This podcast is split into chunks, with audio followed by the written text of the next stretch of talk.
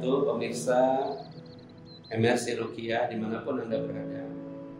Kali ini kita membahas tentang rahasia keluarga yang samawa Sakinah mawadah warohmah adalah dambaan dari setiap keluarga. Karena dengan samawa ini maka semua kehidupan kita menjadi ringan. Tidak ada kehidupan yang um, semuanya diliputi oleh kesedihan. Tidak semuanya juga rumah tangga diliputi dengan kebahagiaan. Ada kerikil-kerikil kehidupan yang mereka hadapi. Ada juga eh, tangis, ya perpisahan yang mereka hadapi. Namun kalau berniat untuk menjadi rumah tangga sakinah mawadah warahmah, maka ada beberapa tips ya yang kita wajib uh, ikuti supaya kita selalu memperbaiki dan menyempurnakan. Yang pertama adalah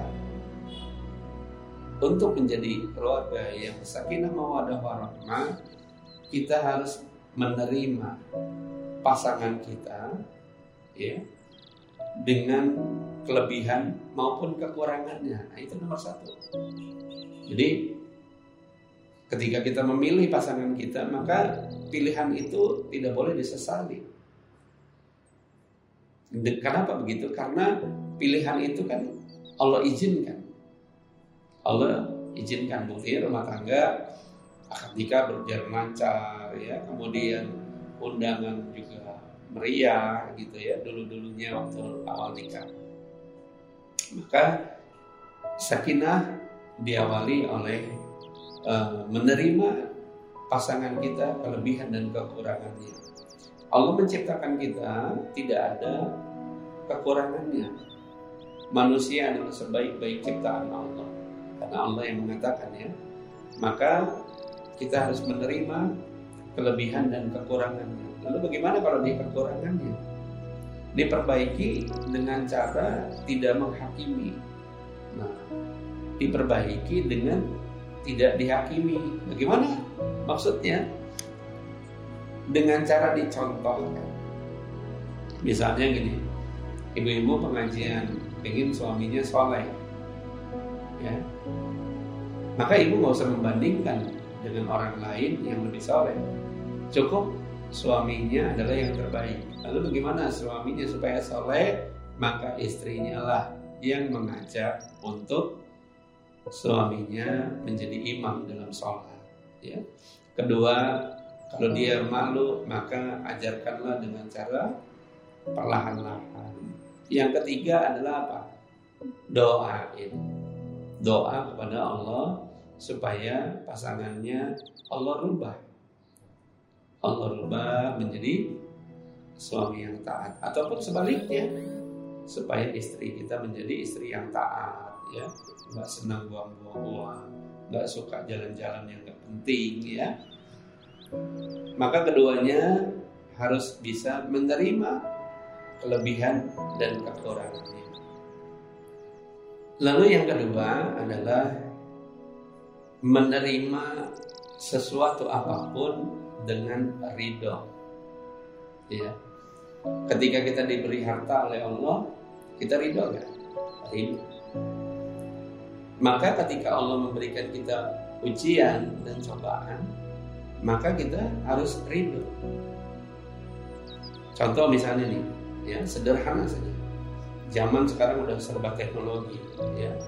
Lalu kemudian e, orang suka membanding-bandingkan dengan orang lain, maka buang pikiran-pikiran itu. Ridokan pasangan yang dipilih adalah pasangan yang terbaik. Karena Allah ridhokan pernikahan uh, Bapak Ibu semua sehingga melahirkan anak-anak yang banyak, ya, anak-anak yang uh, soleh menjadi anak-anak yang nantinya menjadi investasi akhirat. Ridhokan semuanya, yang nggak enak ridhokan. Kalau ridho yang enak gampang ya, tapi ridho yang gak enak itu sulit banget. Maka memang perlu belajar. Maka kalau kita ridho dengan pasangan kita, maka Allah pun ridho. Ya. Yang ketiga adalah jangan mempersulit diri. Ya, sesuatu masalah dalam kehidupan kita jangan mempersulit diri. Cari rujukannya dalam Al-Qur'an maupun dalam hadis. Oh, ketika sulit ekonomi, rujukannya apa kata Allah? Kalau kamu ingin menjadi orang yang beruntung, maka perbaiki sholatnya. Maka diawali dengan perbaiki sholatnya. Maka rezekinya nanti akan naik lagi. Lalu bagaimana pengen jadi beruntung? Bangun dan tahajud. Ya, pengen punya sesuatu sulit. Bagaimana caranya? Perbanyak sedekah. Sedekah itu sesuai ya dengan kemampuan kita, tapi yang paling harus dijaga adalah istiqomah tiap hari meskipun setiap hari itu kita hanya lima ribu, sepuluh ribu ya. Tapi rutinkan. Ya jangan sebulan sekali, jangan dua minggu sekali. Kalau bisa seminggu tiga kali lah belajar. Setelah seminggu tiga kali maka baru boleh tiap hari karena nantinya akan perasaan hati kita akan resah atau galau gitu ya kalau kita nggak sedekah maka masalah itu akan lebih mudah dalam keluarnya. Karena Allah bukakan. Ya.